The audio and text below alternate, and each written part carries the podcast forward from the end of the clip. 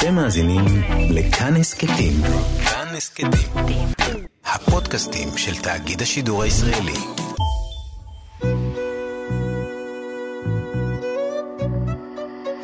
ליסה פרץ משוחחת. שלום לכם מאזינות ומאזיני כאן תרבות. באולפן ליסה פרץ עורכת התוכנית ענת שרון בלייס. והיום האורחת שלי היא המשוררת עדי קיסר. קיסר פרסמה עד כה שלושה ספרי שירה. בשנת 2013 ייסדה את קבוצת השירה ארס פואטיקה ואת הערבים הנלווים של ארס פואטיקה, שביקשו להביא אל מרכז הבמה שירה מסוג אחר, קולות אחרים שהרגישה שחסרים, וסיפורים אחרים. שלום עדי. מה העניינים? בסדר. תגידי, אה, כשאת אה, התחלת להפיק את הערבים האלה, מה הייתה המוטיבציה מלבד החוסר שהרגשת? כלומר, רצית לאגד עוד אנשים שמדברים בשפה שלך, ברעיונות שלך, רצית לכונן משהו חדש בתוך שירה. מה עוד חוץ מהמוטיבציות של, של החוסר? המוטיבציה הכי בסיסית הייתה שרציתי להקריא את השירים שלי איפשהו. והסתובבתי אז ב... צריך להגיד אולי, אני הגעתי מתסריטאות, למדתי תסריטאות וכתבתי לעיתונים ושירה הגיעה נורא מאוחר. באיזה גיל היא הגיעה? אה, שלושים ושתיים או שלוש? לא זה מאוחר. כן, זה כן. מאוחר. כן, כן. אוקיי. אה, נראה לי, פשוט אנשים, אנשים כאילו, שאני מכירה, כותבים, התעסקו עם שירה נורא מגיל צעיר, ואני התעסקתי עם כתיבה, אבל לא, לא עם שירה. ואז כשפתאום אה, נבלעתי לתוך העולם הזה, שזה סיפור אחר, אז אה, לא הכרתי אף אחד בסצנה של השירה, ובסצנה של הספרות גם לא הכרתי, הכרתי כמה שמות, ש... ואמרתי, אוקיי, יש אה, שירה כתובה ויש אה, שירה שאנשים מקריאים, זה האופציות שלי. אז התחלתי להסתובב בערבי שירה, והרגשתי זרות מאוד מאוד גדולה. למ- למה הרגשת זרות? כלפי מה? אני חושבת ששירה לא תמיד, כן, היא יכולה גם להיות איזה תרגיל אינטלקטואלי, ויכולה להיות כל מיני דברים, אבל הרבה פעמים שירה, אה, זו חשיפה מאוד גדולה שלך או שלך ככותבת. זה לא להתחבא מאחורי דמות בתסריט שכתבת, זה לא כתבה על מישהו אחר, זה לכתוב משהו על עצמך. ואני מרגישה שבדור, בוא נאמר, בסצנה התל אביבית שאני זיהיתי, אה, היה, הייתה הרגשה של, של אווירה מאוד צינית ואירונית כזו, ואנחנו לוקחים את עצמנו ברצינות, אבל לא כל כך.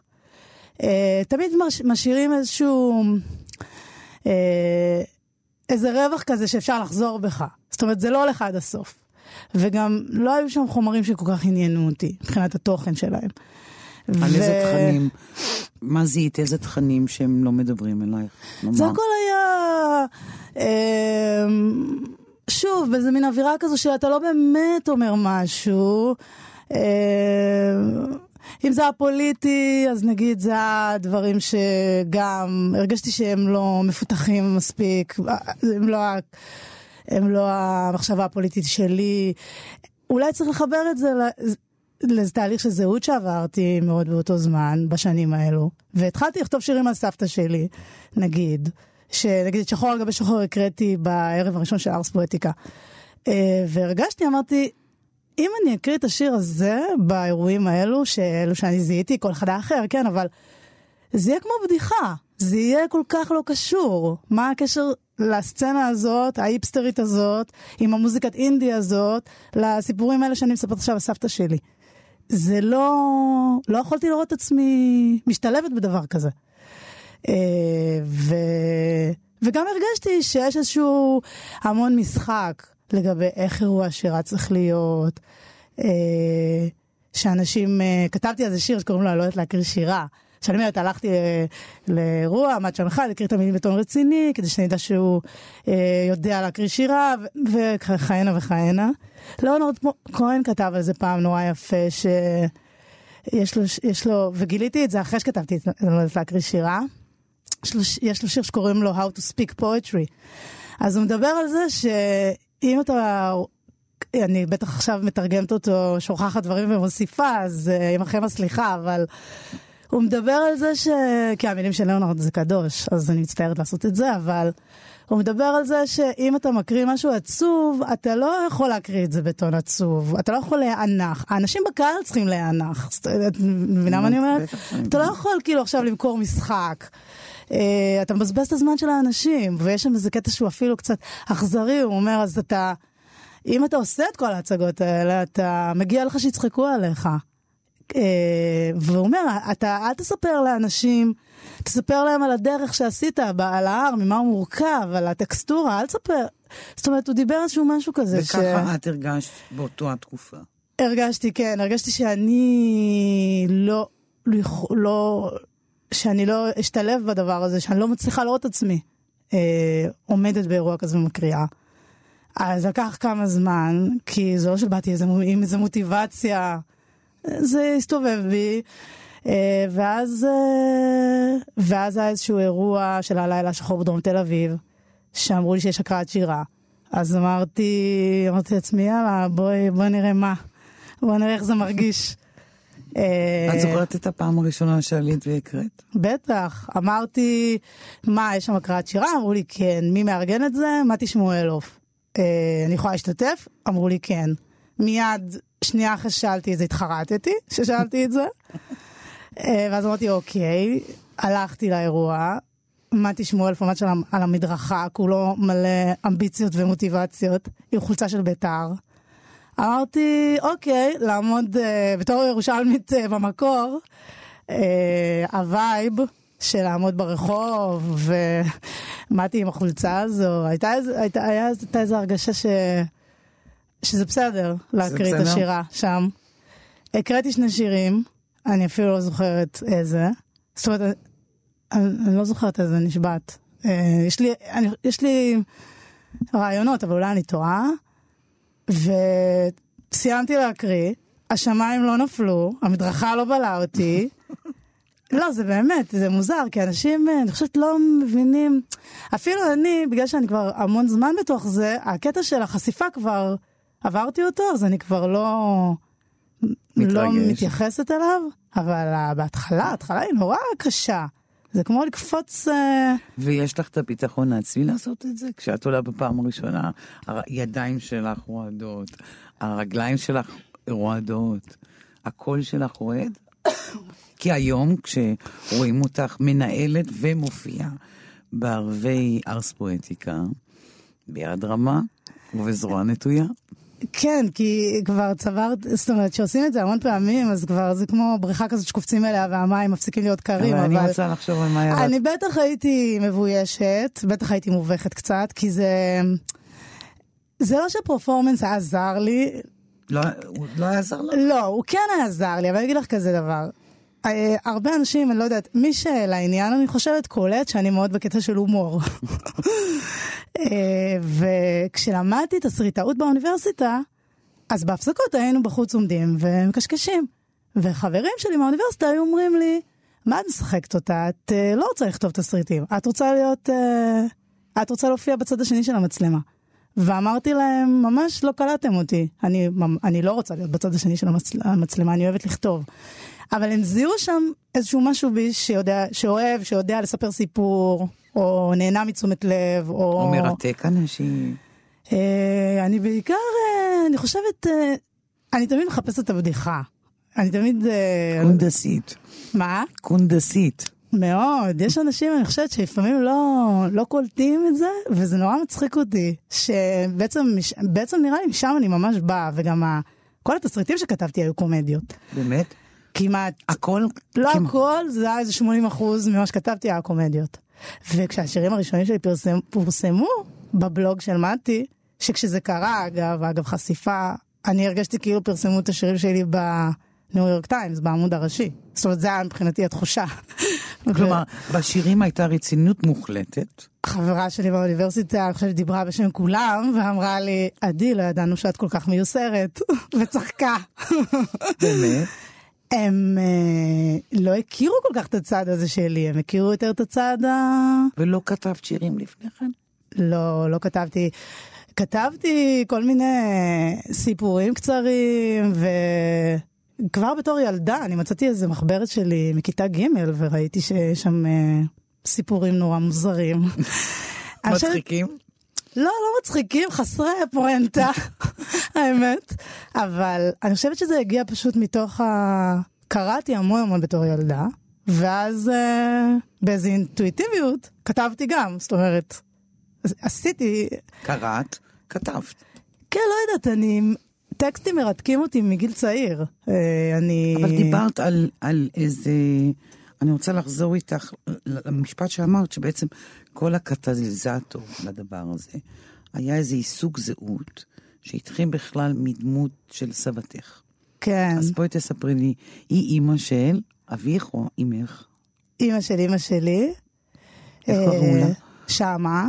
שמה. והספר הראשון מוקדש לה.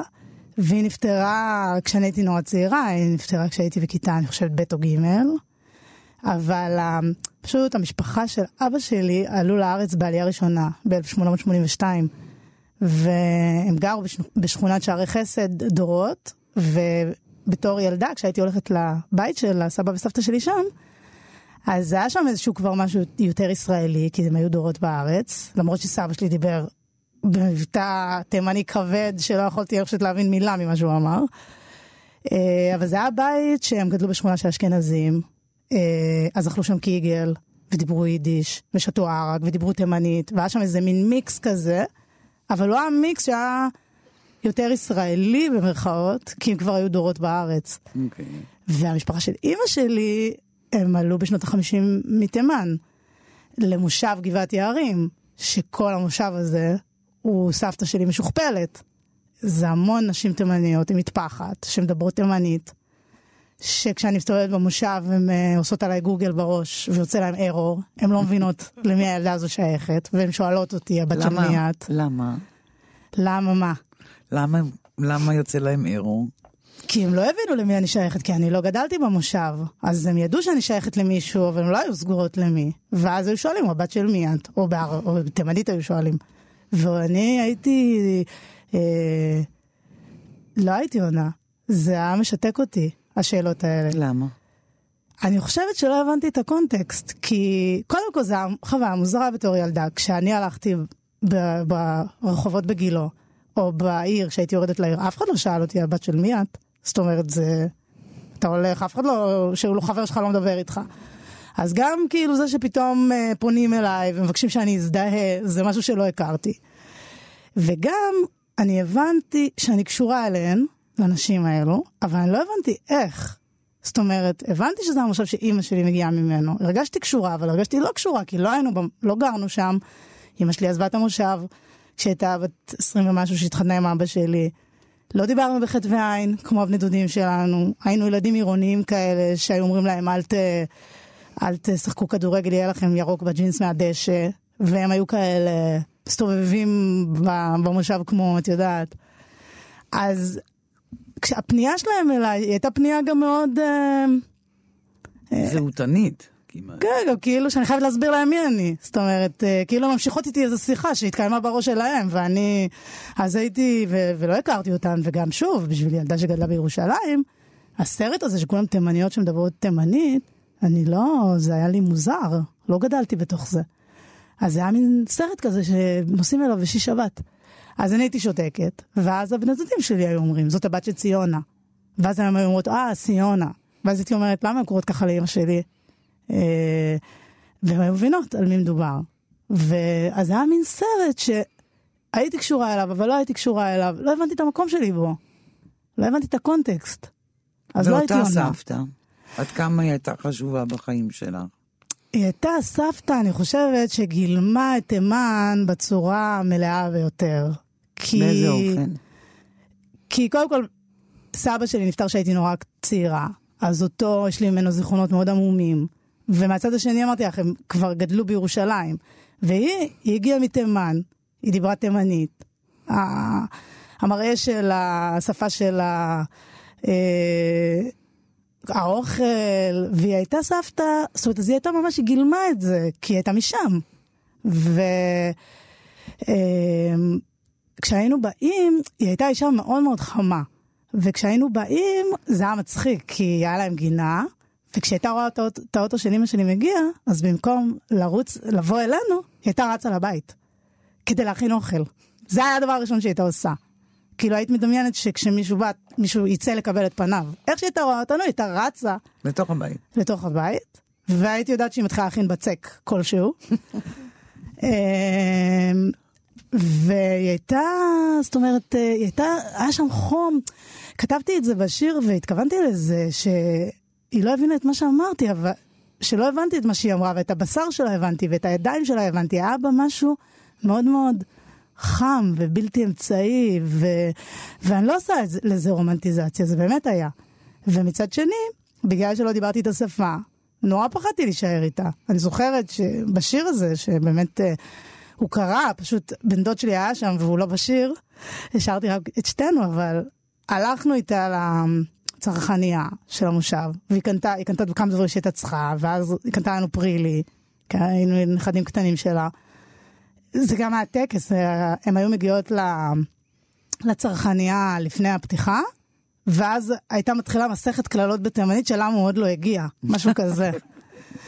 אה, שהבנתי אחר כך שזה היה טקס כזה שהיה קורה כל הזמן.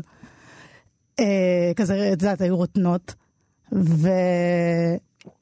ואני זוכרת שח... שחזרנו, ובאמת, אה, כמו בשיר, לא ידעתי, הייתי מובכת, לא ידעתי איך להסביר לה שיש שם, שהבאנו הבאנו לה פרחים כדי להגיד לה תודה, אבל מהפרחים יצאו נמלים על השיש, ואמרתי, אוי ואבוי, מה עשינו? אז איך אני אסביר לה את זה? ואני חושבת שכשעשיתי את התהליך הזה, שהבנתי קצת אה, לגבי המשפחה שלי ולגבי התימניות שלי, בוא נגיד, אז אה, אז הכתה בי המחשבה הזאת, ההבנה שאף פעם לא דיברתי איתה, עם סבתא שלי. והשיר היה לדבר איתה? אה, אני, השיר, השיר באיזשהו אופן הוא לדבר איתה, כן. הסוף שלו, יש את הקטע שאני אומרת ש... שאני בעיקר, שה- שהייתי רוצה ללמוד תימנית ולחזור לקבר שלה ולהזהיר אותה בעיקר מהפרח שהבאתי לה, הפרח מלא בנמלים. והיו פעמים שהקראתי את זה במקומות ואנשים צחקו. וחלק מהאנשים שמכירים אותי מהקומדיה אמרו לי, אתה מתחייבת להצחיק בסוף. ואמרתי להם, זה לא, זה לא מצחיק." לא כתבתי את זה כדי להצחיק. אני חושבת שבפרח מלא בנמלים הזה, זה דבר שקרה, ומצד שני, זה איזה מין שאלה שלי, אה, מה היא הייתה אומרת על עדי של היום? מבינה? אולי, אולי אני פרח מלא בנמלים, אולי אני... זאת אומרת, היא, מאוד אהבה אותי, אבל אני, אני חלק מהעולם הזר, אני חלק מהעולם המנוכר, לכאורה. כי אני לא מדברת את השפה שלה, המנטליות שלנו היא אחר, הייתה בטח אחרת מאוד ממה שהיא הכירה. אז אני מצד אחד הבת של הבת שלה, אבל אני כבר חלק מהעולם החדש, שהוא לא היה מובן לה עד הסוף, ולא היה, אני בטוחה שהיה לה קושי איתו. אז אני לא יודעת, מה הייתה חושבת על עדי של היום? אני לא יודעת. היא... אז שירה היא גם לא רק ניסיון לדבר איתה, זה גם ניסיון לסגור ניכור. כן, זה הייתה, אני, אני, יכול להיות, אני חושבת שזה הייתה בעיקר, זה היה רגע של הבנה שלי, ש, שזה נורא מוזר לנהל יחסים אינטימיים עם מישהו שאף פעם לא דיברת איתו.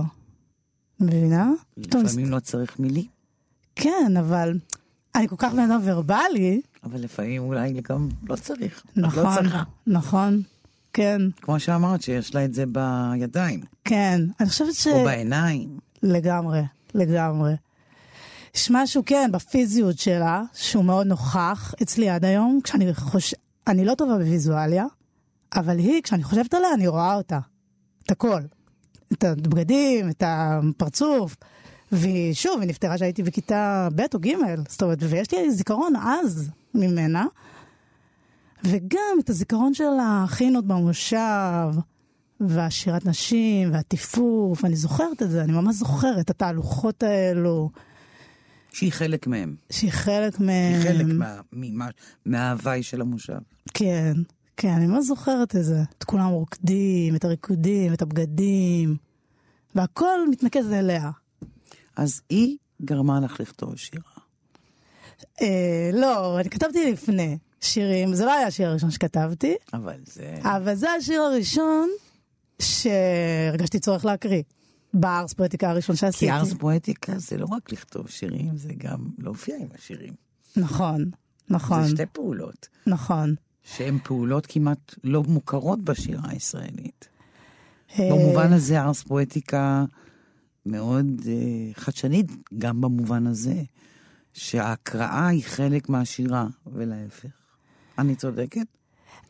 את צודקת.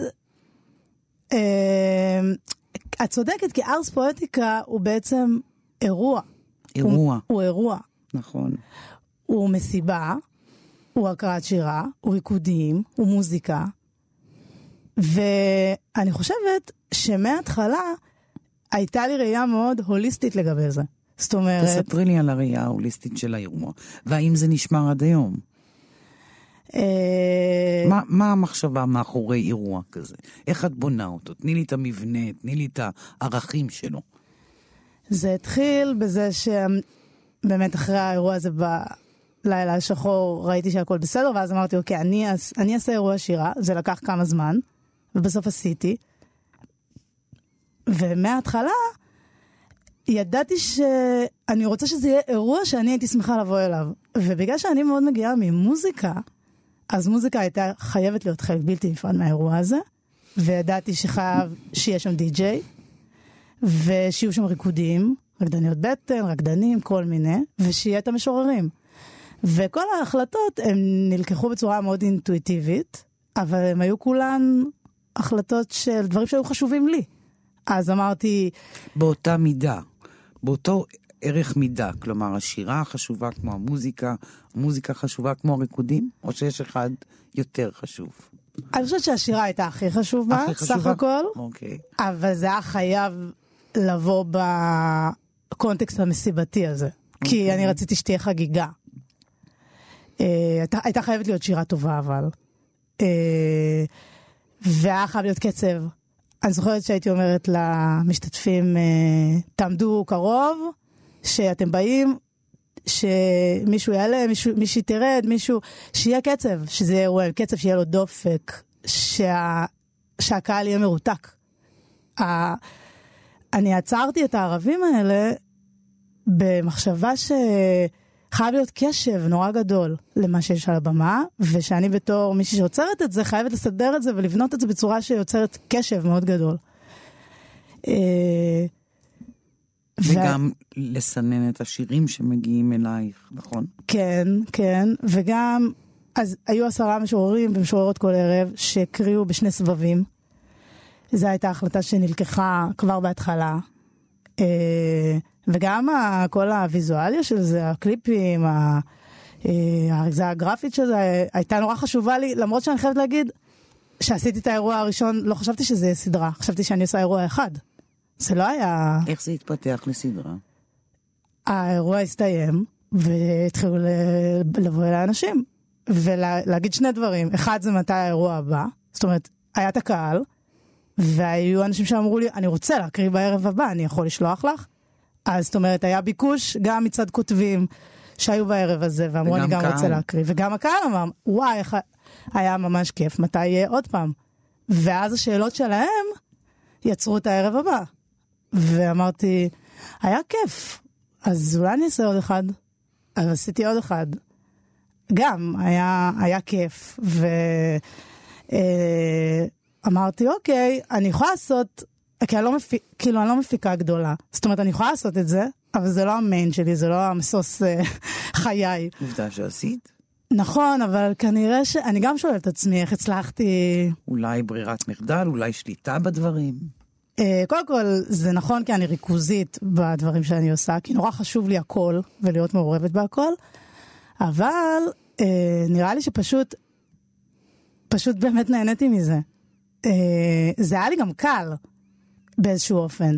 מה, להרים טלפון למשורר, לסגור איתו את השיר הזה, את הנגן ההוא, את הזמרת ההיא. כי בשלב ההוא כבר גרתי כמה זמן בתל אביב, הכרתי כל מיני מקומות. אז היה לי קל להגיד, אפשר לעשות אצלכם ערב, זאת אומרת, זה היה יחסית קל. ואז זה היה כמו איזה כדור שלג, אנשים שמעו על זה, ואז אנשים התחילו לפנות אליי, והיה בחומרים כל מיני דברים טובים. אז התח... התחלתי להכיר יותר ויותר משוררים.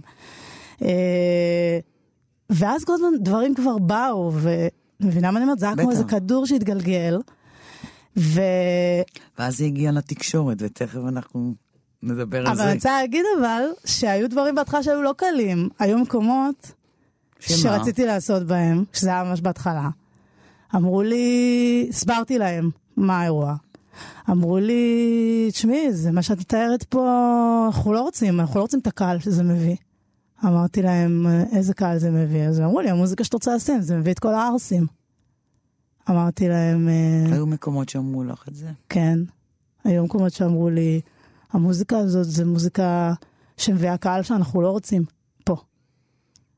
ואמרתי להם, אה, אמרתי להם, חבל שאתם לא רוצים, כי א', אני לא יודעת למה אתם קוראים לאנשים האלה ככה, אבל אה, אני ממש שמחה שהקהל הזה בא. אז כנראה שזה לא המקום שאני צריכה לעשות בו. את יודעת, כי זה בעצם... יותר אה, מפעם אחת אמרו לך את זה? כן, יותר מפעם אחת. זה היה בהתחלה של ארס פואטיקה. אני מנסה לחשוב על המקומות שזה קרה בהם, אבל זה מקומות שכבר נסגרו לפי דעתי. היה איזה מקום בפלור, ברור. לא זוכרת כבר מה, אבל היו כאלה. אה, אז לא היה, היו גם קשיים, אבל אני חושבת שסך הכל הצלחתי לעשות את זה, כי גם נורא נהניתי. נהניתי מזה. עדיין את נהנית מזה. אני עדיין נהנית מזה, אבל דווקא עכשיו אני עושה הרבה פחות ערבים של ארס פואטיקה, ואני עושה ערבים אחרים, אני יוצרת ערבים אחרים, וכל הזמן אנשים שואלים אותי, גם בעמוד של ארס פואטיקה, גם אצלי, אה, קורה? מתי, מתי יהיה עוד ערב. ואני חושבת שעשיתי את זה מ-2013 עד 2018 בערך, כמעט כל חודש ערב, זה המון המון ערבים. זה המון. זה הגיע המון. למקסים גורקי בברלין, שעצרתי אירוע של ארס פואטיקה, זה הגיע לדברים ממש שלא דמיינתי. זה יצא כמובן מתל אביב, זה היה בכל הארץ. אה, ובאיזשהו שלב, וגם, כן, רציתי כבר לעשות דברים חדשים, וגם הרגשתי שאם יהיה עוד אירוע, אז יהיה אירוע שלא עשיתי כמוהו. והרגשתי שבשביל מה שאני תכננתי, אז די עשיתי כבר את כל מה ש... תסבירי לי עכשיו שני דברים. מי הקהל שבא אה, לבלות בערבים האלה? ומי סוג המשוררים שהקריאו את השירים שלהם? מה התכנים שהעסיקו אותם? Uh, אני חושבת שבניגוד לאיך שאנשים תפסו את הארס פואטיקה, זאת אומרת, מבחינת המסגרת, המסגרת הייתה האג'נדה התרבותית והמוזיקה היו מאוד מסוימים ומאוד שונים מהסצנה התל אביבית ומהסצנה של הספרות, וזה אני חושבת היה די ברור. Uh, מבחינת המשוררים והקהל, אני חושבת שלאנשים היה רעיון מאוד בראש של מי האנשים שבאים ואיזה, ומה השירה שמוקראת, וזה לא היה נכון. תסבירי את ואני הטעות. תמיד אומרת שאי אפשר? להתווכח איתי לגבי זה, כי יש ערוץ יוטיוב שלם שיש בו תיעוד של הכל. תסבירי אה, מה, איזה אנשים, מה, מה אנשים חשבו על הקהל הזה, איזה, איזה דוגמה, שזה קהל מסוג מסוים, מה, מה בדיוק? אה, את מה הנחות היסוד המופרכות? הנחות היסוד, זאת אומרת, אה, בוא נגיד הטענות שאני קיבלתי שהגיעו אליי היו, שלאנשים היה נדמה שהקהל הוא כולו קהל תל אביבי אשכנזי, ושזה האנשים שמגיעים לאירועים האלה, ושזה מצחיק שאני עושה להם אירועים מזרחיים לכאורה. וחשבו שכל המשוררים הם כולם מזרחים, והם כולם מדברים כל הזמן על דברים מזרח... על, את יודעת, נושאים פוליטיים מזרחים. אוקיי. כשהם... כשבפועל? וגם הביקורת הייתה שבעצם את עושה אירועים מזרחיים לקהל אשכנזי, ו- בתל אביב. אז זה, זה לא חוכמה גדולה, או אין פה באמת... אה, אה, לא יודעת, היו טענות כאלה. כשבפועל? כשבפועל הקהל היה מאוד מאוד מעורב. היו, היה באמת, אה, גם מבחינת גילאים, שזה היה מדהים. באו אנשים מבוגרים, באו אנשים נורא צעירים. היה פעם איזה ילד מרחובות שאמר לי, שהוא היה בכיתה ח' או משהו, הוא אמר לי, אני מת על זה, אני הבאתי שירים לבית ספר, את לא יודעת כמה אני אוהב את זה, הבאתי לשיעור ספרות, ואני רוצה לבוא לאירוע הבא. ואמרתי לו, תשמע, אתה הכי חמוד בעולם, אבל זה אירועים שהם בברים, וזה לאנשים אה, שיכולים, שהם אחרי הגיל שאפשר לשתות אלכוהול. אז אה, זאת אומרת, זה... אם יהיה אירוע שהוא לא במקום כזה, אני אגיד לך, וגם יצאתי הכי חמודה, ושלחתי לו אסופות, בדיוק יצאו אסופות של ארס פואטיקה. ואז אה, אירוע באותו חודש היה ברדיו EPGB, והאירוע מסתיים, וניגש אליי ילד בן 12-13 עם סבא שלו, שהיה לפי דעתי בן איזה 80. והוא אמר לי, היי עדי, דיברנו בפייסבוק, אה, באתי עם סבא שלי, ונכנסתי כשלא ראו. אז אמרתי לו, קצת ארס פואטיקה מה שעשית. נכנסת כשלא ראו, ועכשיו אתה כבר פה, אי אפשר להוציא אותך. וזה היה סופר מרגש, זאת אומרת, באמת, באמת, זה היה אז הקהל היה מעורב, הגילאים היו, הטווח היה גדול. ממש. לגבי המשוררים. לגבי מה? המשוררים, אני חושבת שבארס פואטיקה בערבים האלו היה משהו נורא מעניין, כי נוצר איזשהו מרחב שאנשים הרגישו בו מאוד מאוד נוח אה, לדבר על תכנים פוליטיים משלל סוגים, על מתחים עדתיים, על מגדר, על נטייה מינית, על... היו משוררים אה, פלסטינים שהקריאו, והיו משוררים יוצאי אתיופיה שהקריאו, ו... אז זאת אומרת, פוליטית, היה שם ריינג' מאוד רחב של אנשים שהיה להם מה להגיד, ויחד עם זאת, היה המון המון שירים שהם היו על הטבע, על הנוף, על הבדידות, על האקזיסטנציאליזם ועל החבר שזרק אה, אותי אתמול. אה, ובאמת באמת שהיה את כל זה. ובאמת באמת שהכל אפשר למצוא ביוטיוב, יש תיעוד לעשרות אירועים. אבל אין ספק שהעניין הפוליטי האג'י הזה שנרקם שם, שהוא לחלוטין היה שם, תפס את, אה, את רוב תשומת הלב, התקשורתית. התקשורתית, כן. נגיע לתקשורת. ליסה פרץ משוחחת. איתי באולפן, המשוררת עדי קיסר. איך את מסבירה את ההתפוצצות הגדולה בתוך התקשורת של הקבוצה של הערבים האלה? אני חושבת שזה נבע אולי מכמה סיבות. אה, אחד, אני חייבת להגיד שהארס פוליטיקה לא פעלה בלימבו. אה, קרו המון דברים אז, זאת אומרת, אה, איזה? מבחינה, אני מתכוונת מה שאחר כך כונה הרנסאנס המזרחי. אוקיי. כלומר, זה ישב על איזשהו רצף? קרה, זו הייתה נקודת זמן שכל מיני צעירים שהגיעו מבתים מזרחיים הוציאו החוצה את המטען התרבותי שלהם אה, בצורה אחרת ממה שהייתה, בצורה... אה, זו לא הייתה הפעם הראשונה שקרה דבר כזה, אבל הייתה פתאום, צצו דברים. זאת אומרת, אני זוכרת שהלכתי לרדיו EPGB לפני ארס פואטיקה, ולאיזה משהו שהגדירו כחפלת צהריים, לא ידעתי בדיוק למה אני מגיעה. ואני רואה את לירון עמרם עומד על הבמה, שר את uh, למה אל של חיים משה. ואני בשוק. זאת אומרת, זה לא שיר שיצא לי להיכנס לבר בתל אביב ולשמוע. Uh, ואחר כך הוא שר עוד שירים, ואני זוכרת שדיברתי איתו, אמרתי לו, מה, מה זה היה? הוא אמר לי, התחלנו לדבר, גיליתי שהוא הבן של אהרון עמרם, הזמר התימני. Uh, אז לירון uh, וכל מיני זמרים התחילו לשיר במרוקאית ובתימנית ובאמרית, והיה את כל הפרח השם יפה של חנה וזנה, ודברים שקרו בתיאטרון יפו. היו כל מיני דברים שקרו אז, שהתחילו אז, ואני חושבת שהם יצרו איזשהו, איזושהי מסה כזאת קריטית של קול אחר שפתאום הגיע לתל אביב. אוקיי. שקרה אז, שפתאום התחילו חפלות במקומות, פתאום, זה היה ממש ההתחלה, זאת אומרת גם ארס פואטיקה הייתה שם. היום זה כזה הפך להיות טריוויאלי, כאילו פתאום, אבל זה היה אז התחלה, אני זוכרת את זה. היה את החבר'ה של פורטונה, של התדר, שעשו את כל הריליסים החדשים של... של אה, המוזיקה כן, המזרחית. כן, קרו כל מיני דברים. אה, פתאום הרגשת שקורה פה, פתאום מגיע איזה קול אחר, שתופס את הבמה במקומות שלא היית שזה, רגילה. אגב, צריך להכניס פה ב- בסוגריים, רנסאנס אה, תרבותי, אה, פריפיאלי, מזרחי, אה, הוא בא בגלים. הוא כל הזמן בא בגלים. כן, כן, זו לא הייתה הפעם הראשונה. כן, אבל זה איזה תנודה כזאת. זו הייתה הפעם הראשונה שלי, בוא. נאמר, לא, בחיי הבוגרים, שפתאום אה, ראיתי שקורים בסצנה דברים שאני מכירה מהבית שלי. מבינה?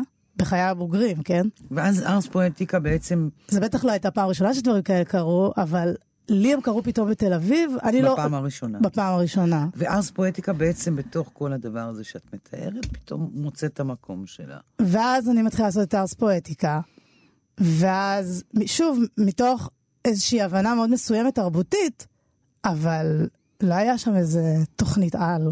היה לעשות משהו שאני אוהבת וכיף לי. וכל אירוע מגיעים עוד אנשים ועוד אנשים, ומתחילים להגיע 400 איש, וכבר המקומות שאני עושה בהם כבר אין מקום. ואני חושבת שהיה שם משהו גם אחר ממה שהיה בערבי שירה או בכלל. והיה שם, הייתה שם איזושהי אווירה של אג'יות, של, אה,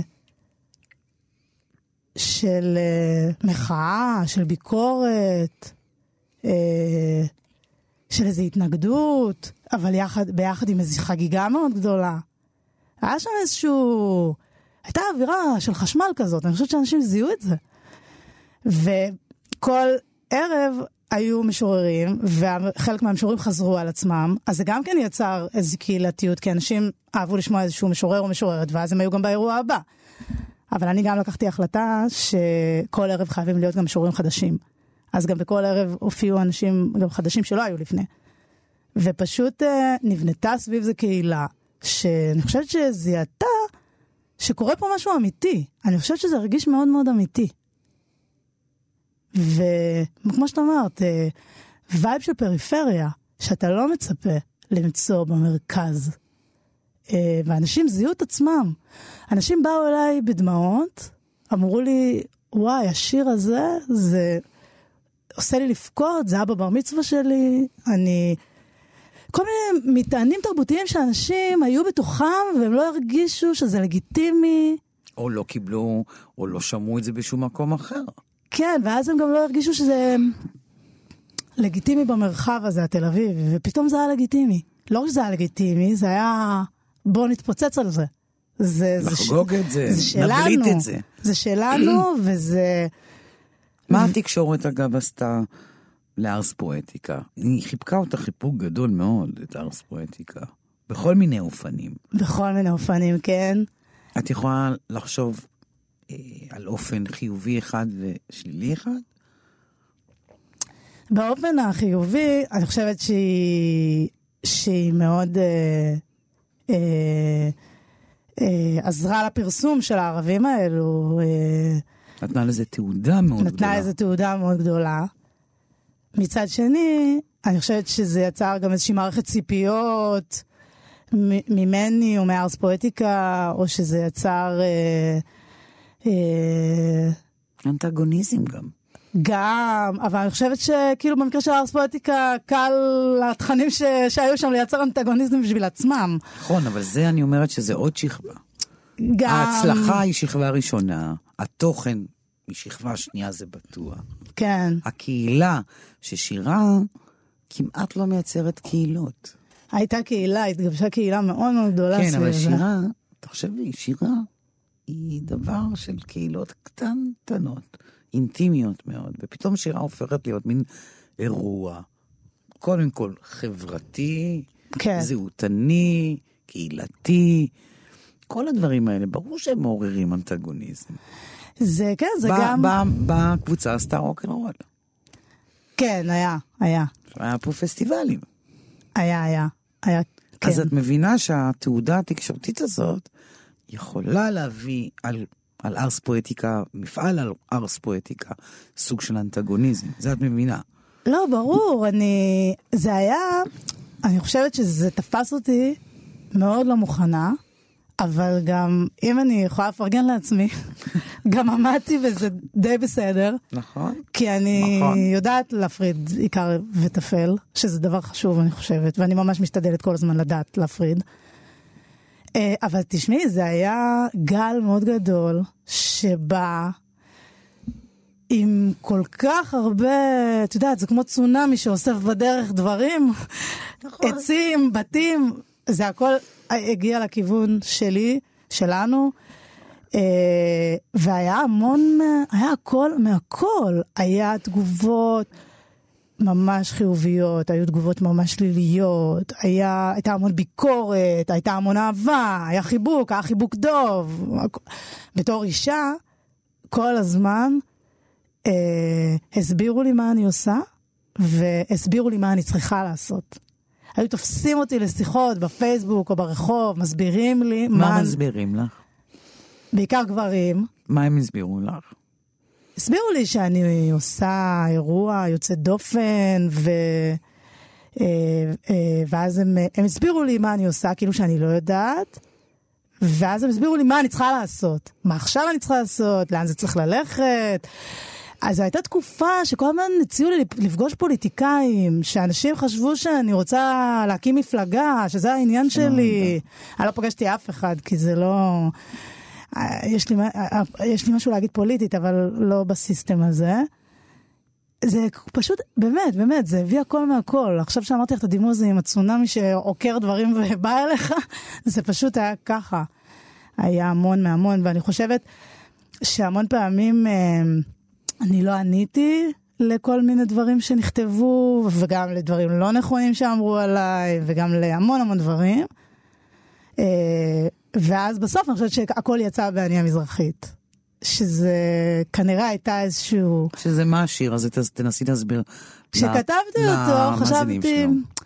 כשכתבתי אותו, רציתי לייצר איזשהו קטע כזה, היפ-הופי, ספוקני כזה, שיהיה לי כיף לעשות, או ש... שיש לי מה להגיד. אבל כנראה שכשהיום אני חושבת על זה, אני המזרחית, הוא היה באיזה אופן לא מודע שלי, שאני רציתי לענות לכולם בשיר הזה. כי אי אפשר היה לענות לכולם באותו רגע. זאת אומרת... למי, תני לי את התשובות שיש בתוך השיר הזה. זה, זה מניפסט שרציתי להגיד, קודם כל מי אני, אני אגיד מי אני, לא אתם תגידו מי אני. Okay. אוקיי. אני אגיד מי אני. ו... ולגבי המזרחיות, זאת אומרת, אה, יש שם המון התייחסות למזרחיות שלי, למאיפה אני מגיעה, אה, למעמד שאני נולדתי אליו, והדרך שעברתי. שלמדתי לנסוע בקו 25 ולמדוד את המרחק בין השכל ללב רק כדי להבין את הדרך לבית שלי. היה שם את הכאב, היה שם את אהובה עוזרי, להגיד שכל הסיפור הזה הוא מטען מאוד גדול לסחוב גם. אה, אז גם המון כאב יש בתוך הדבר הזה. אה, יש גם המון, השיר הזה מאוד מתאר את ההרגשה שלה, שלהיות מישהו ש... מישהי שמעלה ביקורת, ומישהי ש... יש לה מה לומר, זה להיות מישהי ש... אה, היא תקועה לאנשים, כן? אה, וגם העניין הזה ש... כאילו, הרבה פעמים אנשים אה, נכנסו לאיזו היסטריה, שאני רוצה שכולנו נחזור לגור בתימן. כאילו, הייתה, איזה חוסר התייחסות לזה שגדלתי בישראל, חוברתתי בחברה שהיא מאוד אה, מוכוונת מערביות. והכל טוב, אני אוהבת את הביטלס ואני אוהבת את רדיואד. זאת אומרת, אני, אני האמצע של הדבר. ואני אומרת שם, אני באמצע לא לכאן ולא לכאן. אם הייתי צריכה לבחור, הייתי בוחרת אפרו תימן. נכנס לשם איזה פקיד שדה תעופה בלונדון שלא נתן לי לעבור, אז הוא גם נכנס, וסיפרתי על איך הוא מחפש בי שאריות ערביות. זה שיר שכתבתי אותו הרבה זמן. כמה זמן? כמה חודשים, הוא היה לי על הוורד, כזה כל פעם באתי אליו, שכתבתי אותו. אה, הוא התחיל ב... הנה, רק בשביל... זה היה... רק... זאת אומרת, רק בשביל להבין כמה הוא היה תשובה, אה, הוא התחיל בזה שכתבתי, אני לא מזרחית כמו, אני לא מזרחית כמו, והיה לי בראש איך, איך אני מצטט כל מיני שירים, היה לי בראש המבנה, אבל הוא התחיל, אני לא מזרחית כמו. וברגע שאתה אומר, שאת אומרת אני לא ואני לא, אז זה אחרי שכולם אמרו לך מה את כן, את מבינה? זו הייתה תשובה ממש. אני אז לא ראיתי את זה. זה היה מבחינתי איזה אקט מאוד ספונטני של שיר שרציתי לכתוב, ואז, שכת... ואז הוא הפך להיות מה אני כן, הוא הפך להיות אני המזרחית, ואז שכתבתי ושכתבתי ושכתבתי אותו עד שהרגשתי שהוא מוכן. נתתי לאיזה חבר לקרוא, אמרתי לו, תגיד, מה, זה נראה לך טוב? זה נראה לך מוכן? וגם, את יודעת, כל הזמן בבית אה, אה, אמרתי אותו שיחקתי לעצמי. איתו. שיחקתי איתו, כן, מחיתי כפיים, אמרתי אותו. כי זה היה קצת הכיף ב... שדיברת על אה, אירוע של הקראה. אה, הרבה פעמים בעולם השירה מתייחסים לפרפורמנס כאילו כל דבר שהוא פופולרי או כל דבר שהוא יש בו... הרבה פעמים יש איזו שמרנות מאוד גדולה. וכאילו שירה היא קדושה והיא צריכה לשבת רק בספר, ואם מישהו עשה פרפורמנס מוצלח, לא עלינו, אז זה ממש לא בסדר, או זה לא שירה. עכשיו, זה נורא מצחיק אותי, כי בעצם כל העניין של uh, הקראת שירה בציבור, זה העבר והעתיד ביחד. פעם הייתי באיזשהו כנס תרבות בברלין, וניהלתי איזו שיחה מאוד מעניינת עם דוד ויצטום, ודיברנו על זה שבעצם כל העניין הזה הוא בעצם, הרי לפני המצאת הדפוס, משוררים ביוון עמדו בכיכר מרכזית. ושוררו את שיריהם. ושוררו את השיר שלהם. אה, ואני, זאת אומרת, זה מספיק קלאסיקה משוררים מיוון? זה קלאסיקה מספיק? נראה לי שכן. אז למה עכשיו, אם מישהו עושה את אותו דבר, ועכשיו אנחנו, כיכר העיר שלנו היא יוטיוב, אז אנחנו בעבר ובעתיד ביחד. נכון. זאת אומרת, הפרפורמנס הוא מהעבר, הפלטפורמה היא מהעתיד, וזה בסך הכל עוד דרך שהמון שירה קלאסית של מ, מהעבר אה, תוקשרה בצורה הזו. אז אה, למה החשיבה שלנו ב... כי יש משהו נורא צפוד וכבד בערבים האלה של השירה המוכרים לנו. אז אני לא שם. ולכן אני חושבת ש... מה נקודת ההשקפה שלי? את נבראת בשנים האלה בכמה מישורים. גם כמופענית, מופיענית, גם כמשוררת אישה, כן. וגם אה, סוכנת תרבות מזרחית. אני חושבת שזה שלושת הדברים שקרו לך בשנים האחרונות, המשמעותיות, והם הופכים את ארס פואטיקה למה שהם. כי בארס כן. פואטיקה יש קולות נשים, יש אנשים שפעם ראשונה עומדים על הבמה ומופיעים, אז עוד ערב הם מופיעים ומופיעים יותר טוב, ויותר טוב בפעם אחרי זה. לגמרי, זה כל הזמן היה קורה, הייתי רואה את זה. וגם אנשים שמביאים והופכים בעצמם באמצעות הערבים האלה לסוכני תרבות מזרחית, סלאש פריפרית, פריפיאלית. לא כן. משנה. אז אני חושבת שזה, אם אני צריכה לשרטט אותך, זה מה שקרה לך, זה מה שהפך את שלושת הדברים האלה, באופן מובהק. זה לגמרי זה. ושימי לב שאני לא קראתי לך משוררת מזרחית. אני שמחה על כך. אני חושבת שאת קודם כל משוררת, את אישה, וסוכנת תרבות, ומופיענית. כן. בסוף, במקום השלישי את סוכנת תרבות. קודם כל את אישה. אני קודם כל אישה, כן. זה נכון. זה המון פעמים צר לי, אבל זה, זה, זה, זה מה שעולה גם מהשירים, אני, אני מאוד חזק, אני מזהה את זה. כי עובדה שהשיר המשמעותי הראשון הוא דרך אישה על אישה. לגמרי, אני חושבת ש... קודם כל, לגבי מה שאמרת, אני לגמרי מסכימה, ואני חושבת שה... מה שאמרו לי אז בב... באוניברסיטה, לגבי איפה, אה, באיזה צד של המצלמה אני רוצה לעבור, להיות, אז בעצם ה... הסיפור של השירה הוא בדיוק, זה נפל בול על, ה... על האישיות הפרופורמרית שלי, שאני לא, לא בדיוק זה, אבל זאת אומרת, זה, זה ישב בול, ה... הפרפורמנס שלי ישב שם בול על ההקראת שירה הזו, שזה היה גם מפתיע לגמרי. אם היית אומרת לפני עשר שנים שזה מה שאני אעשה, הייתי צוחקת בקול גדול, אבל ביישנית היית. היית, היית ביישנית לפני עשר שנים? לא, לא הייתי ביישנית, תמיד הייתי דחקיונרית, אבל אם היית אומרת לי שאני אעשה הרבה שירה, שאני אכתוב ש... ספרי שירה, הייתי... זאת אומרת, התעסקתי בכתיבה. אם היית אומרת לי פרוזה, הייתי מאמינה. יותר. אבל... כן, זה, גם כיוונתי לשם. אבל שירה, זה כל כך מפתיע, זאת אומרת... ובאמת, זה, זה פלטפורמה, זה ז'אנר, זה מדיום שאני לא דמיינתי ש... שבחיי הבוגרים אה, זה מה שאני אעשה. אבל הוא, הוא מה שאתה אומר, באופן אורגני, הוא באמת שילוב של כל הדברים שעברתי, באמת בצורה ממש אורגנית. ו... בשנים האלה. וגם לגבי מה שאמרת, אני חושבת שבאיזשהו אופן, ושמתי לב לזה אחר כך, שבלי, שוב, לא כתהליך מודע, השירים שלי, ואני יכולה לראות בהמון שירים שלי, כולל שחור על גבי שחור, אה, יש בהם, אני מייצרת בהם שושלת נשית. כי זה, אני רוצה שהשושלת היא תהיה נשית. לשם שינוי. אני רוצה שתהיה סבתא ואימא ובת, והבת של הבת. אני רוצה שלבת שלי סימון תהיה שושלת נשית. את גם רוצה כמשוררת נשית, שתהיה אחרייך עוד מישהי. ברור.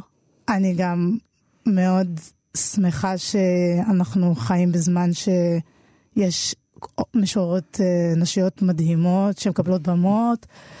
אה, אבל אני אומרת, השושלת הזאת היא לא סתם, כי מה זה שושלת? זה להעביר מורשת. זה כמו, את יודעת, בצורה הכי בסיסית, כמו שגברים מעבירים את השם שלהם, כן? באופן הכי בסיסי, השם משפחה של כן. הגבר, עובר. כן. השושלת זה, זה, זה, זה, זה ציר, זה נרטיב, ובשושלת הזאת עוברת מורשת, ואני רוצה שהמורשת הזאת תהיה נשית, כי לא ככה אני גדלתי.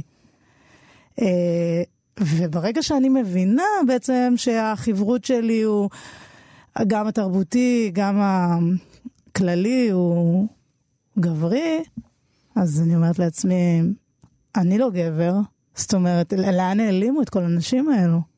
ואז אני מחפשת את הנשים האלו, אני מתחילה, באמת, בעיקר הרבה שירה נשית מהמאה ה-17, שתימניות. ממש באיזו אובססיה התחלתי לחפש את הדברים האלה. אז את יוצרת השושלת. אמן, אני מנסה. ונראה לי שעם האמן הזה אנחנו צריכים לסיים. אז רציתי להגיד לך תודה רבה, עדי, על השיחה הנפלאה הזו. תודה לך. עד כאן השיחה עם המשוררת עדי קיסר, באולפן ליסה פרץ, עורכת התוכנית ענת שרון בלייס. אפשר להקשיב לתוכניות שלי ביישומון כאן, בעמוד הסקטים. תודה לכם ולהתראות.